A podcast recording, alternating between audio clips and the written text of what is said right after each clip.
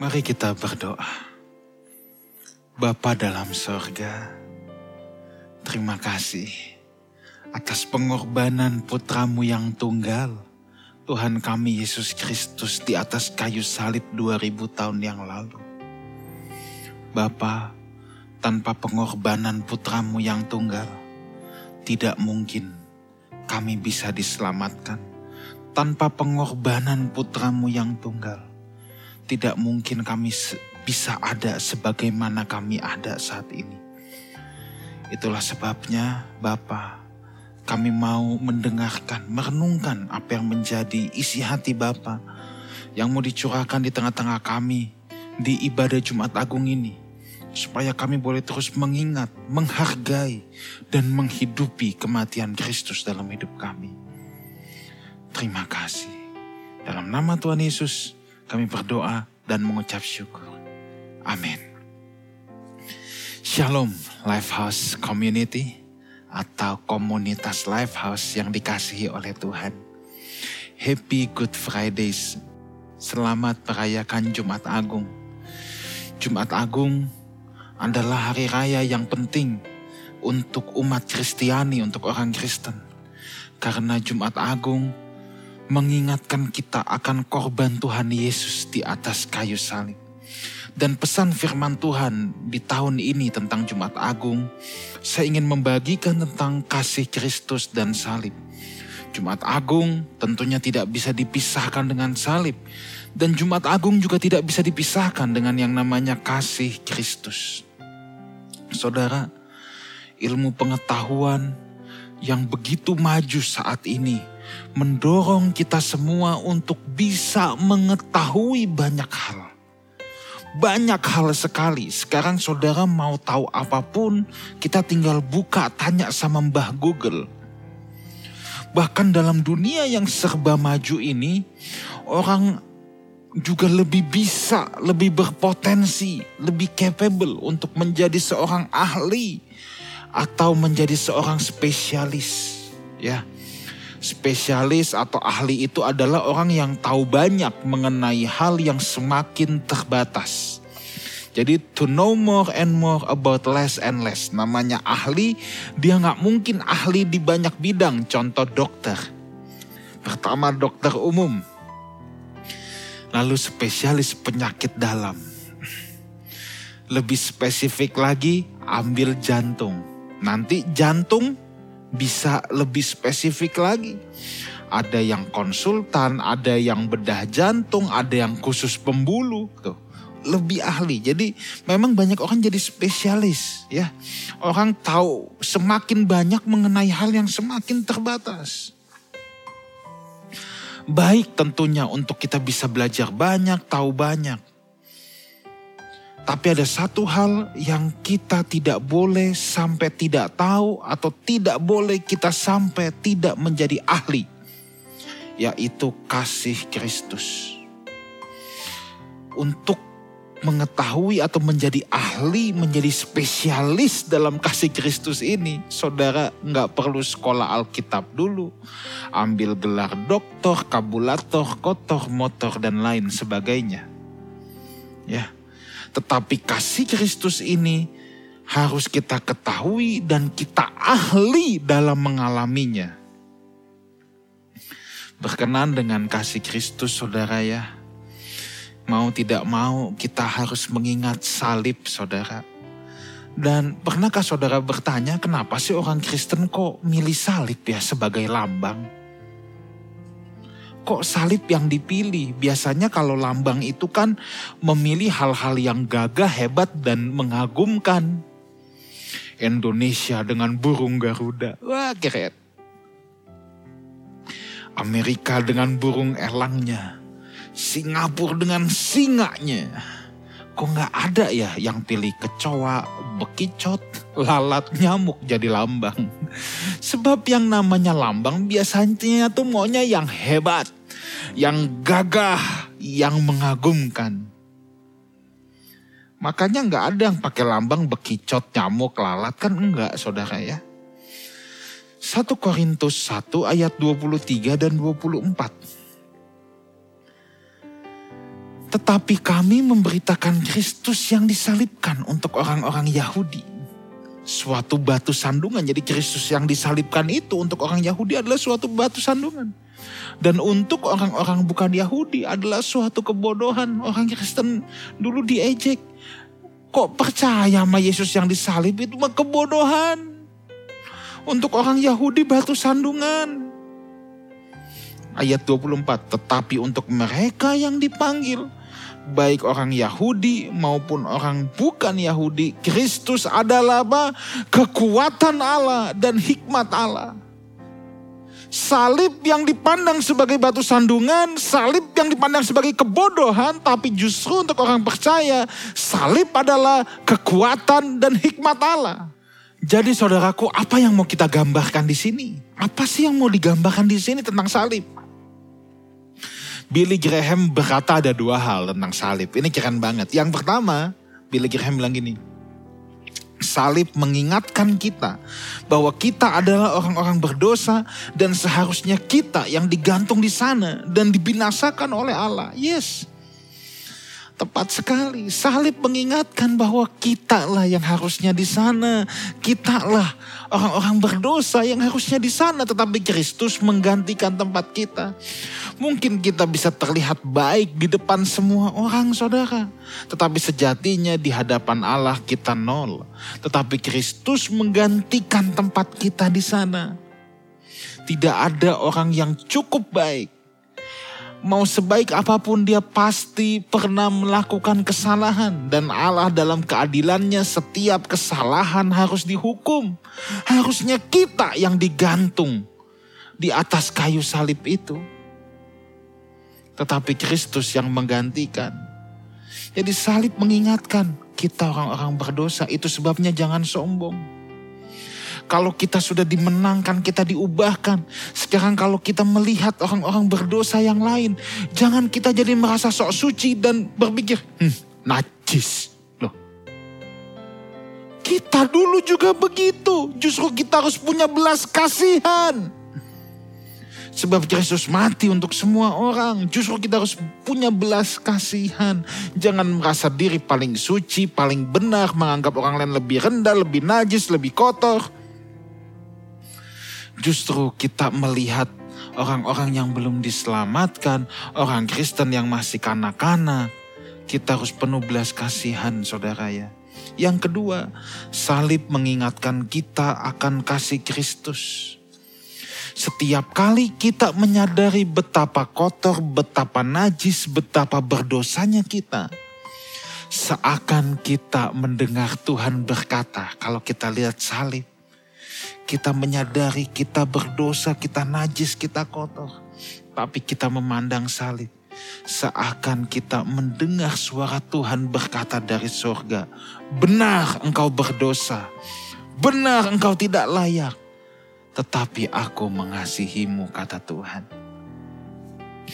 Salib seumpama seruan dari surga yang berkata, God loves you, Tuhan mengasihimu Apa pun keadaan saudara, Tuhan mengasihimu. Saudara mungkin berkata sama saya, Pastor, saya bukan orang yang sekolah Alkitab. Saya nggak tahu banyak. Saya bukan orang kaya. Saya nggak punya banyak uang.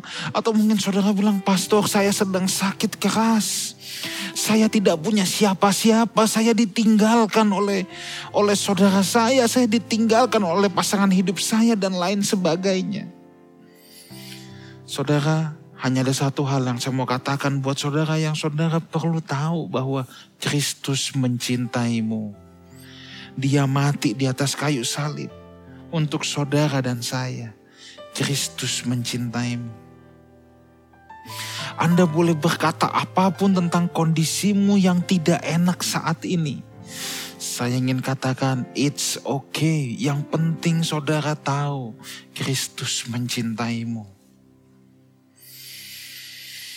Itulah sebabnya inilah yang Paulus katakan dalam Efesus 3 ayat 18 sampai 19 yang kita harus ketahui. Efesus 3 ayat 18 sampai 19 ini ayat-ayat yang luar biasa saudara ya. Aku berdoa supaya kamu bersama-sama dengan segala orang kudus dapat memahami betapa lebarnya dan panjangnya dan tingginya dan dalamnya kasih Kristus. Dan dapat mengenal kasih itu sekalipun ia melampaui segala pengetahuan. Aku berdoa supaya kamu dipenuhi di dalam seluruh kepenuhan Allah. Ini yang harus kita ketahui Cinta nggak ada artinya kalau cuma di perkataan. Cinta adalah bahan bakar terbaik untuk perubahan hidup. Orang jatuh cinta pasti berubah. Gak usah jauh-jauh ngelihat anak saudara ya. Biarpun dia nggak cerita sama anak misalnya saudara punya anak remaja, dia nggak cerita sama saudara sekalipun, tapi kalau dia jatuh cinta, kita tahu Tahu dari mana? Ada yang berubah dari gerak-gerik hidupnya. Ada yang berubah dari hidupnya. Orang yang jatuh cinta pasti berubah.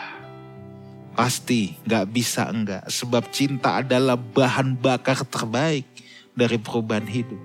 Itu sebabnya bahwa dari tadi saya menekankan kita memandang salib Seumpama seruan sorga berkata, I love you.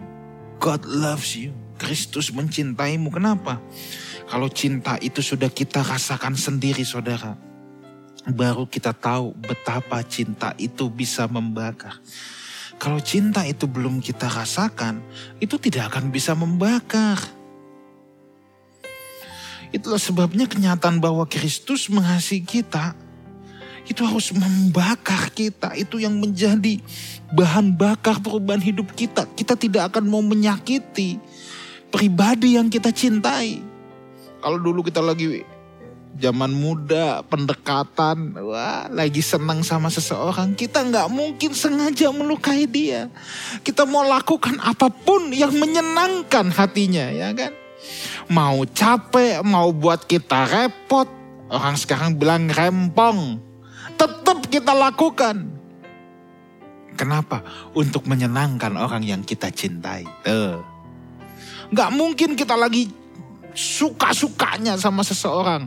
Terus kita sengaja, kita bikin hal yang dia paling gak suka. Udah tahu misalnya dia paling gak tahan sama bau du, sama bau durian. Sengaja gua datang bawa durian. Ya itu sih minta ditimpuk sendal namanya.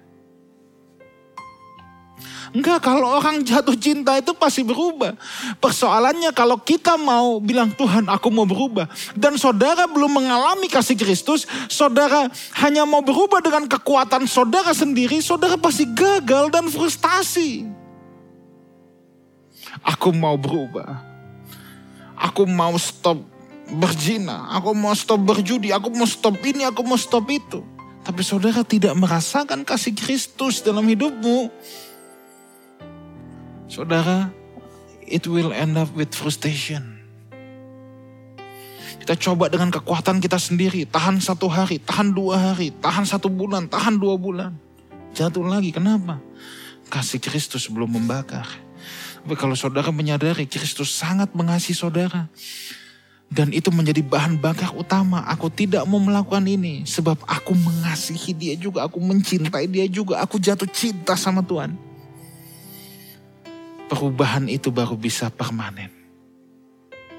Nah, Paulus di sini berkata bahwa kasih Kristus itu punya empat dimensi. Tadi kita baca di ayat yang ke-18.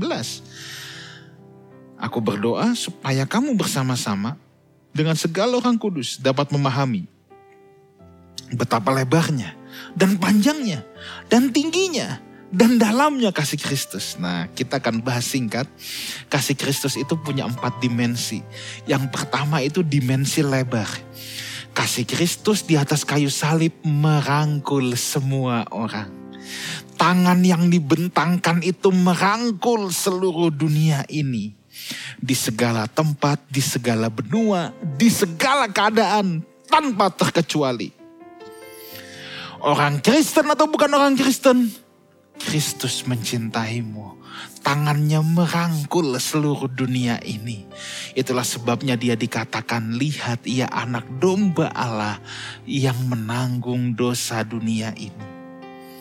Saudara tinggal di perumahan mewah atau kumuh. God loves you. Tuhan mencintaimu. Kita juga harus punya hati yang luas untuk mengasihi sesama kita, bukan hanya mengasihi orang yang sama dengan kita. Saya ulangi lagi, kasih Kristus itu punya dimensi yang lebar yang merangkul semua orang. Itulah sebabnya kita juga mau punya hati yang luas, yang mengasihi sesama manusia, bukan hanya orang yang sama dengan kita. Itulah sebabnya kekristenan tidak boleh rasialis. Kita tidak boleh, saya tidak mau ada life house family yang menjadi rasis, menjadi rasialis. Tuhan tidak membedakan warna kulit suku bangsa, bentuk rambut, model muka, bentuk hidung, bentuk mata. Tuhan tidak membedakan. Dimensi lebar kasih Kristus merangkul semua seluruh dunia ini dalam segala keadaan, dalam segala situasi. Jangan membeda-bedakan orang dari status sosial. Jangan membeda-bedakan orang dari berapa harta yang dia punya. Jangan memandang orang dari pencapaian-pencapaian hidupnya. Pandanglah orang seperti Kristus memandang. Ya. Hal ini kita harus melatih diri kita saudara. Seringkali tanpa kita sadar. Kalau orang yang kita anggap status sosialnya jauh lebih tinggi daripada kita kita lebih ada hasrat mau nunduk-nunduk, mau melayani. Tapi kalau dia bukan siapa-siapa. Dalam hati kita bisa berkata, enggak gue injek aja juga udah bagus loh. Tuh.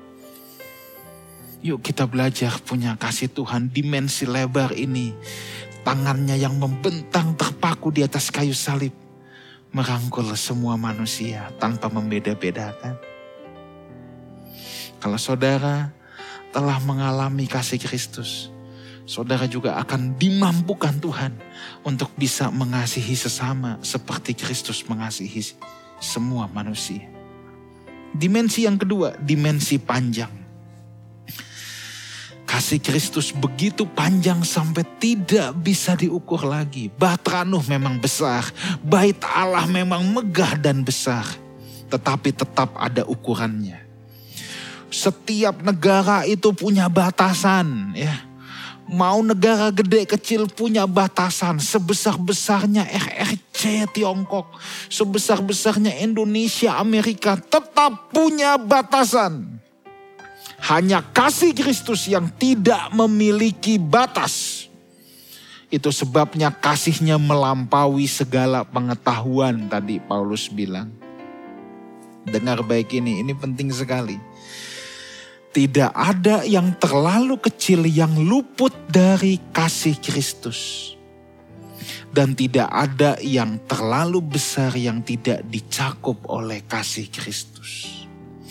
Tidak ada yang terlalu kecil untuk luput dari kasih Kristus. Dan tidak ada yang terlalu besar yang tidak bisa dicakup oleh kasih Kristus. Mungkin saudara berkata, pastor saya punya penyakit mematikan Apakah kasih Kristus masih bisa saya rasakan? Mungkin saudara bilang, pastor saya punya persoalan yang begitu berat. Apakah kasih Kristus bisa mengatasinya? Mungkin saudara bilang sama saya, pastor saya menyimpan dosa yang begitu hebat. Apakah kasih Kristus dapat mengampuni saya? Jawaban saya sederhana. Firman Tuhan berkata, tidak ada yang dapat melampaui kasih Kristus. Apa pun keberadaan saudara, tidak ada yang dapat melampaui kasih Kristus. Dimensi yang ketiga, dimensi tinggi saudara. Ya, jadi tadi yang pertama lebar, panjang. Yang ketiga dimensi tinggi. Kasih Kristus begitu tinggi sampai ia menggapai tahta Allah. Kasih Kristus begitu tinggi sampai ia menggapai tahta Allah. Sehebat-hebatnya manusia mencapai luar angkasa. Mau bisa ke bulan, ke Mars, ke bulan aja banyak kontroversinya. Katanya itu cuma foto di studio. Saya nggak mau terlibat dalam teori konspirasi. Tetapi saya cuma mau bilang begini, kasih hanya kasih Kristus yang bisa menggapai tata Allah. Sekalipun manusia mungkin satu kali nanti mungkin dengan teknologinya bisa menggapai Jupiter. Tetap tidak bisa menggapai tata Allah kalau tidak dengan kasih Kristus. Mungkin manusia bisa keluar dari galaksi Bima Sakti, tetap tidak bisa sampai kepada tahta Allah kalau bukan kasih Kristus. Hanya Kristus yang dapat membuka pintu sorga dan hati Bapa. Itulah sebabnya dia berkata, Aku jalan kebenaran dan hidup. Tidak ada seorang pun bisa sampai kepada Bapa tanpa melalui aku. Hanya dia saja jalannya. Tidak ada orang yang bisa menggapai Bapa kalau Kristus tidak mati di kayu salib membangun jembatan. Manusia mengikuti cara hidupnya, manusia mengikuti jejak hidupnya sampai bisa kepada Bapa. Sekarang kalau kita menyadari bahwa kasih Kristus begitu tinggi sampai menggapai tata Allah. Saudara dan saya, Lifehouse Community, Lifehouse Family, punya tanggung jawab untuk menjadi jembatan supaya orang-orang yang belum melihat jalan itu bisa melihatnya. Ya. Supaya orang-orang yang belum melihat jalan itu bisa melihatnya. Yesus secara fisik tidak ada di bumi ini tetapi kita sekarang jadi perwakilannya, jadi duta-duta besarnya. Kalau dengan bahasa Paulus, kamu adalah surat Kristus yang terbuka. Yesus secara fisik memang tidak ada, tapi kita duta-dutanya. Orang ngelihat kita harus bisa ngelihat Kristus. Kita yang mewakili Kristus yang ada di bumi ini. Dimensi yang keempat, dimensi dalam Saudara, kita bisa jatuh ke jurang dosa yang begitu dalam. Kita bisa jatuh terpuruk dalam berbagai kesulitan dan penderitaan. Masih adakah yang bisa mengangkat kita dari itu semua? Jawaban saya hanya satu, kasih Kristus bisa mengangkatnya. Sebab sedalam-dalamnya kita terperoksok sedalam-dalamnya kita terjatuh baik dalam dosa maupun dalam kesulitan hidup dalam apa pun. Tetap lebih dalam kasih Kristus. Kasih Kristus lebih dalam makanya Roma 11 ayat 33. Paulus bilang gini, oh alangkah dalamnya kekayaan hikmat dan pengetahuan Allah. Sungguh tak terselidiki keputusan-keputusannya dan sungguh tak terselami jalan-jalannya. Jalan Kristus itu atau kasihnya itu sangat dalam. Melebihi semua kegagalan kita. Melebihi semua keterpurukan kita. Kasih Kristus lebih dalam. Dan bukan hanya itu saja. Dia memberikan keputusan-keputusan yang mungkin kadangkala kita belum mengerti saudara dan Tuhan akan menunjukkan jalan-jalan yang Alkitab katakan tidak terselami. Tapi itulah jalan yang ditempuh Kristus, yaitu jalan salib. Jalan Tuhan dalam kitab Yesaya dikatakan sebagai the highway, jalan yang tinggi. Yesaya 55 ayat 8 dan 9. Ini ayat yang terakhir yang kita akan lihat. Yesaya 55 ayat 8 dan 9. Sebab rancanganku bukanlah rancanganmu. Dan jalanmu bukanlah jalanku. Demikianlah firman Tuhan. Seperti tingginya langit dari bumi, demikianlah tingginya jalanku dari jalanmu. Dan rancanganku dari rancanganmu. Saudara, dalam aspek kasih Kristus yang dalam ini. Tuhan sering kali punya rancangan dan jalan-jalan yang tidak bisa kita selami. Jalan Tuhan terkadang tidak bisa kita selami dengan akal pemikiran kita. Tetapi satu hal, Tuhan membawa kita ke jalannya, jalan yang tinggi itu. Punya satu tujuan, supaya kita bisa memandang seperti dia memandang. Jalan Tuhan itu highway, jalan yang tinggi. Dan Tuhan sering kali membawa kita ke jalan-jalannya yang kita tidak bisa mengerti. Jalannya tidak terselami, rencananya tidak terselami kata Alkitab. Seperti tingginya langit dari bumi, demikian tingginya jalanku dari jalanmu.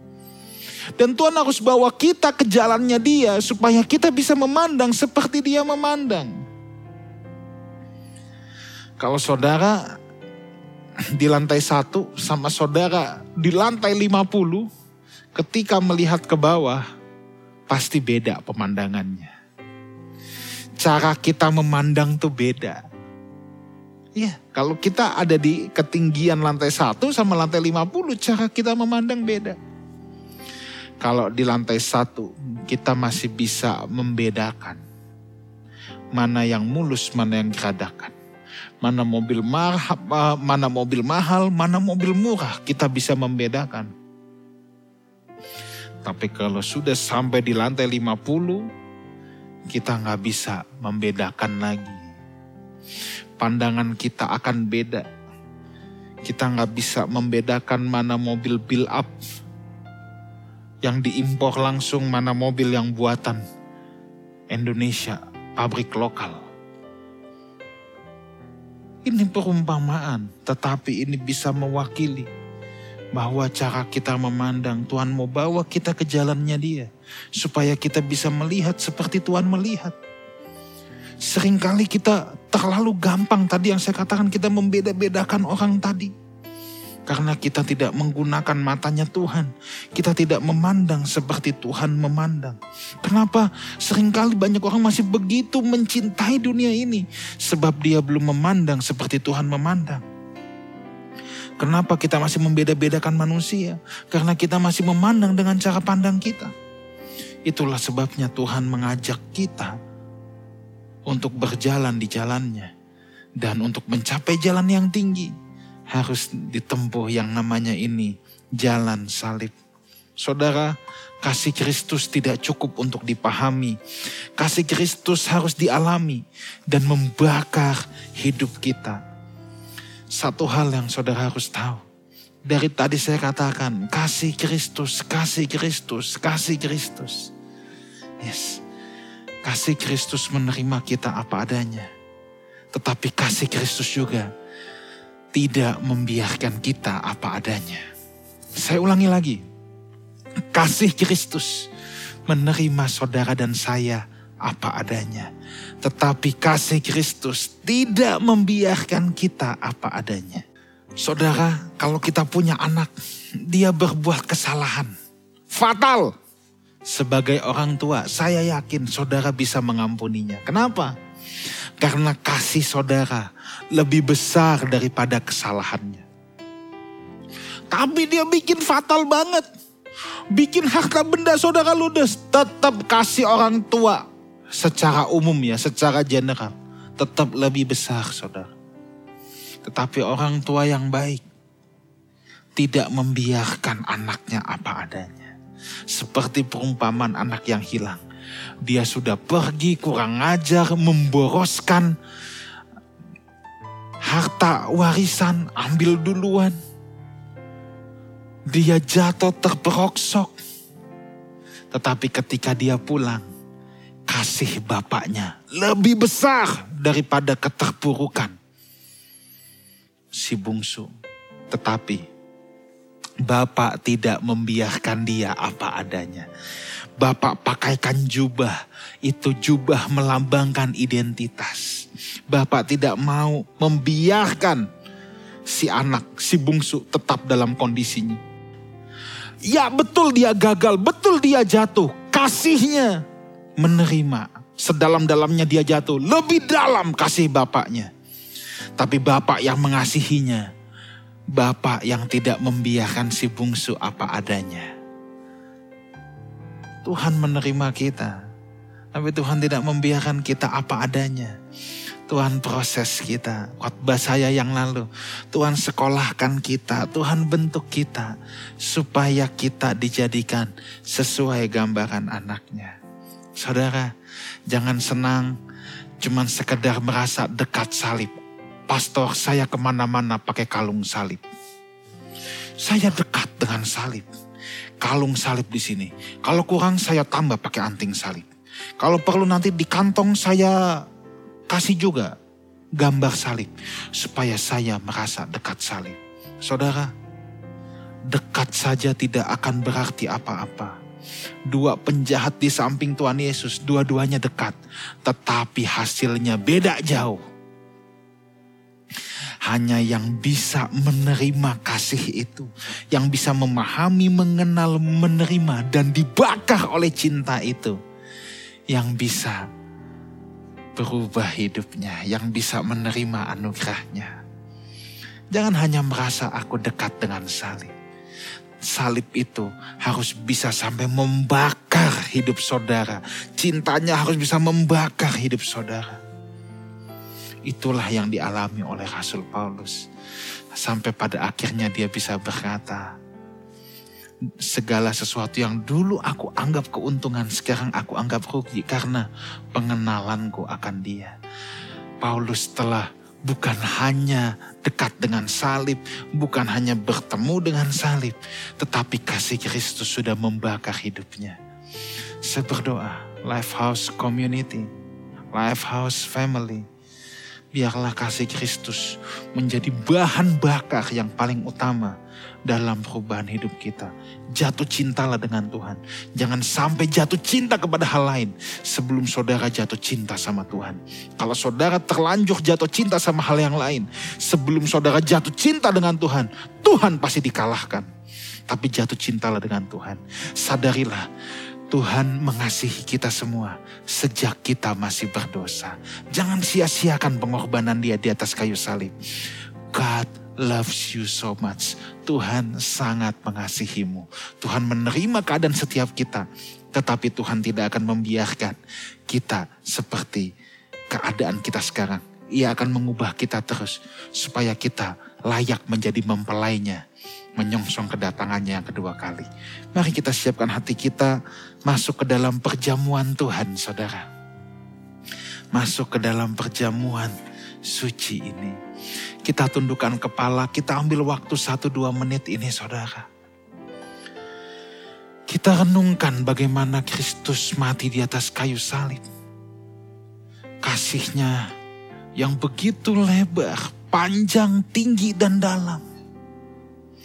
Mungkin saudara pada saat ini berkata, Pastor, saya telah melukai hatinya. Apakah dia masih bisa mengampuni saya? Tidak ada hal yang terlalu besar yang sampai kasihnya tidak bisa merangkulnya. Mungkin saudara bilang sama saya, Pastor saya kalau mau jujur saya sudah jauh dari Tuhan. Pandang salib, salib merangkulmu, salib menarikmu kembali.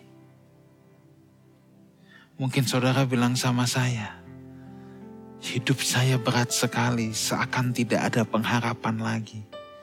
Apakah kasih Kristus sanggup menolong saya?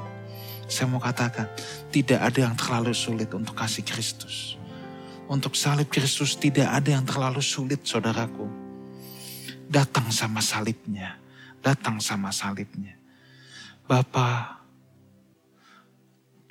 kami bersyukur untuk pengorbanan putramu yang tunggal di atas kayu salib sebelum kami merayakan, menikmati roti dan anggur yang adalah lambang dari tubuh dan darah Yesus Kristus Tuhan kami yang mulia. Kami mau bereskan hidup kami. Kami mau memohon ampun, buang segala kenajisan. Buang hal-hal yang tidak layak di hadapanmu. Layakkan kami untuk menerima perjamuan ini Bapa, satu komitmen kami. Kami tidak mau menyia-nyiakan pengorbanan putramu yang tunggal. Saudaraku, Mari kita bangkit berdiri di mana pun saudara berada. Angkat roti di tangan kanan saudara, roti atau biskuit, crackers yang saudara telah persiapkan. Angkat di tangan kanan saudara. Dengan iman bahwa ini adalah lambang dari tubuh Kristus. Dan demikian firman Tuhan. Sebab apa yang telah kuteruskan kepadamu, telah aku terima dari Tuhan. Yaitu bahwa Tuhan Yesus pada malam waktu ia diserahkan, ia mengambil roti dan sesudah itu ia mengucap syukur atasnya. Ia memecah-mecahkannya dan berkata, inilah tubuhku yang diserahkan bagi kamu. Perbuatlah ini menjadi peringatan akan aku. Bukankah roti yang kita pegang di tangan kanan kita ini adalah lambang dari tubuh Kristus? Mari kita makan bersama di dalam nama Tuhan Yesus.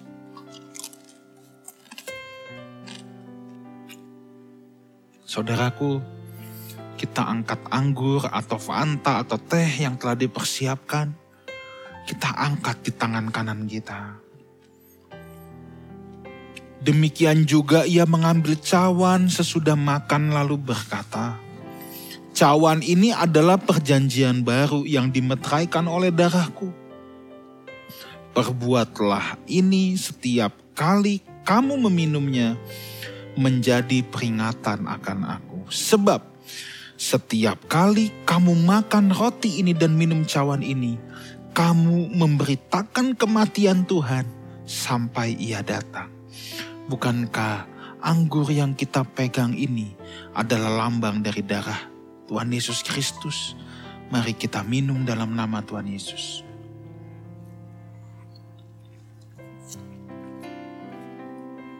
Kita ucapkan syukur kita, kita angkat kedua belah tangan kita dan kita akhiri ibadah ini.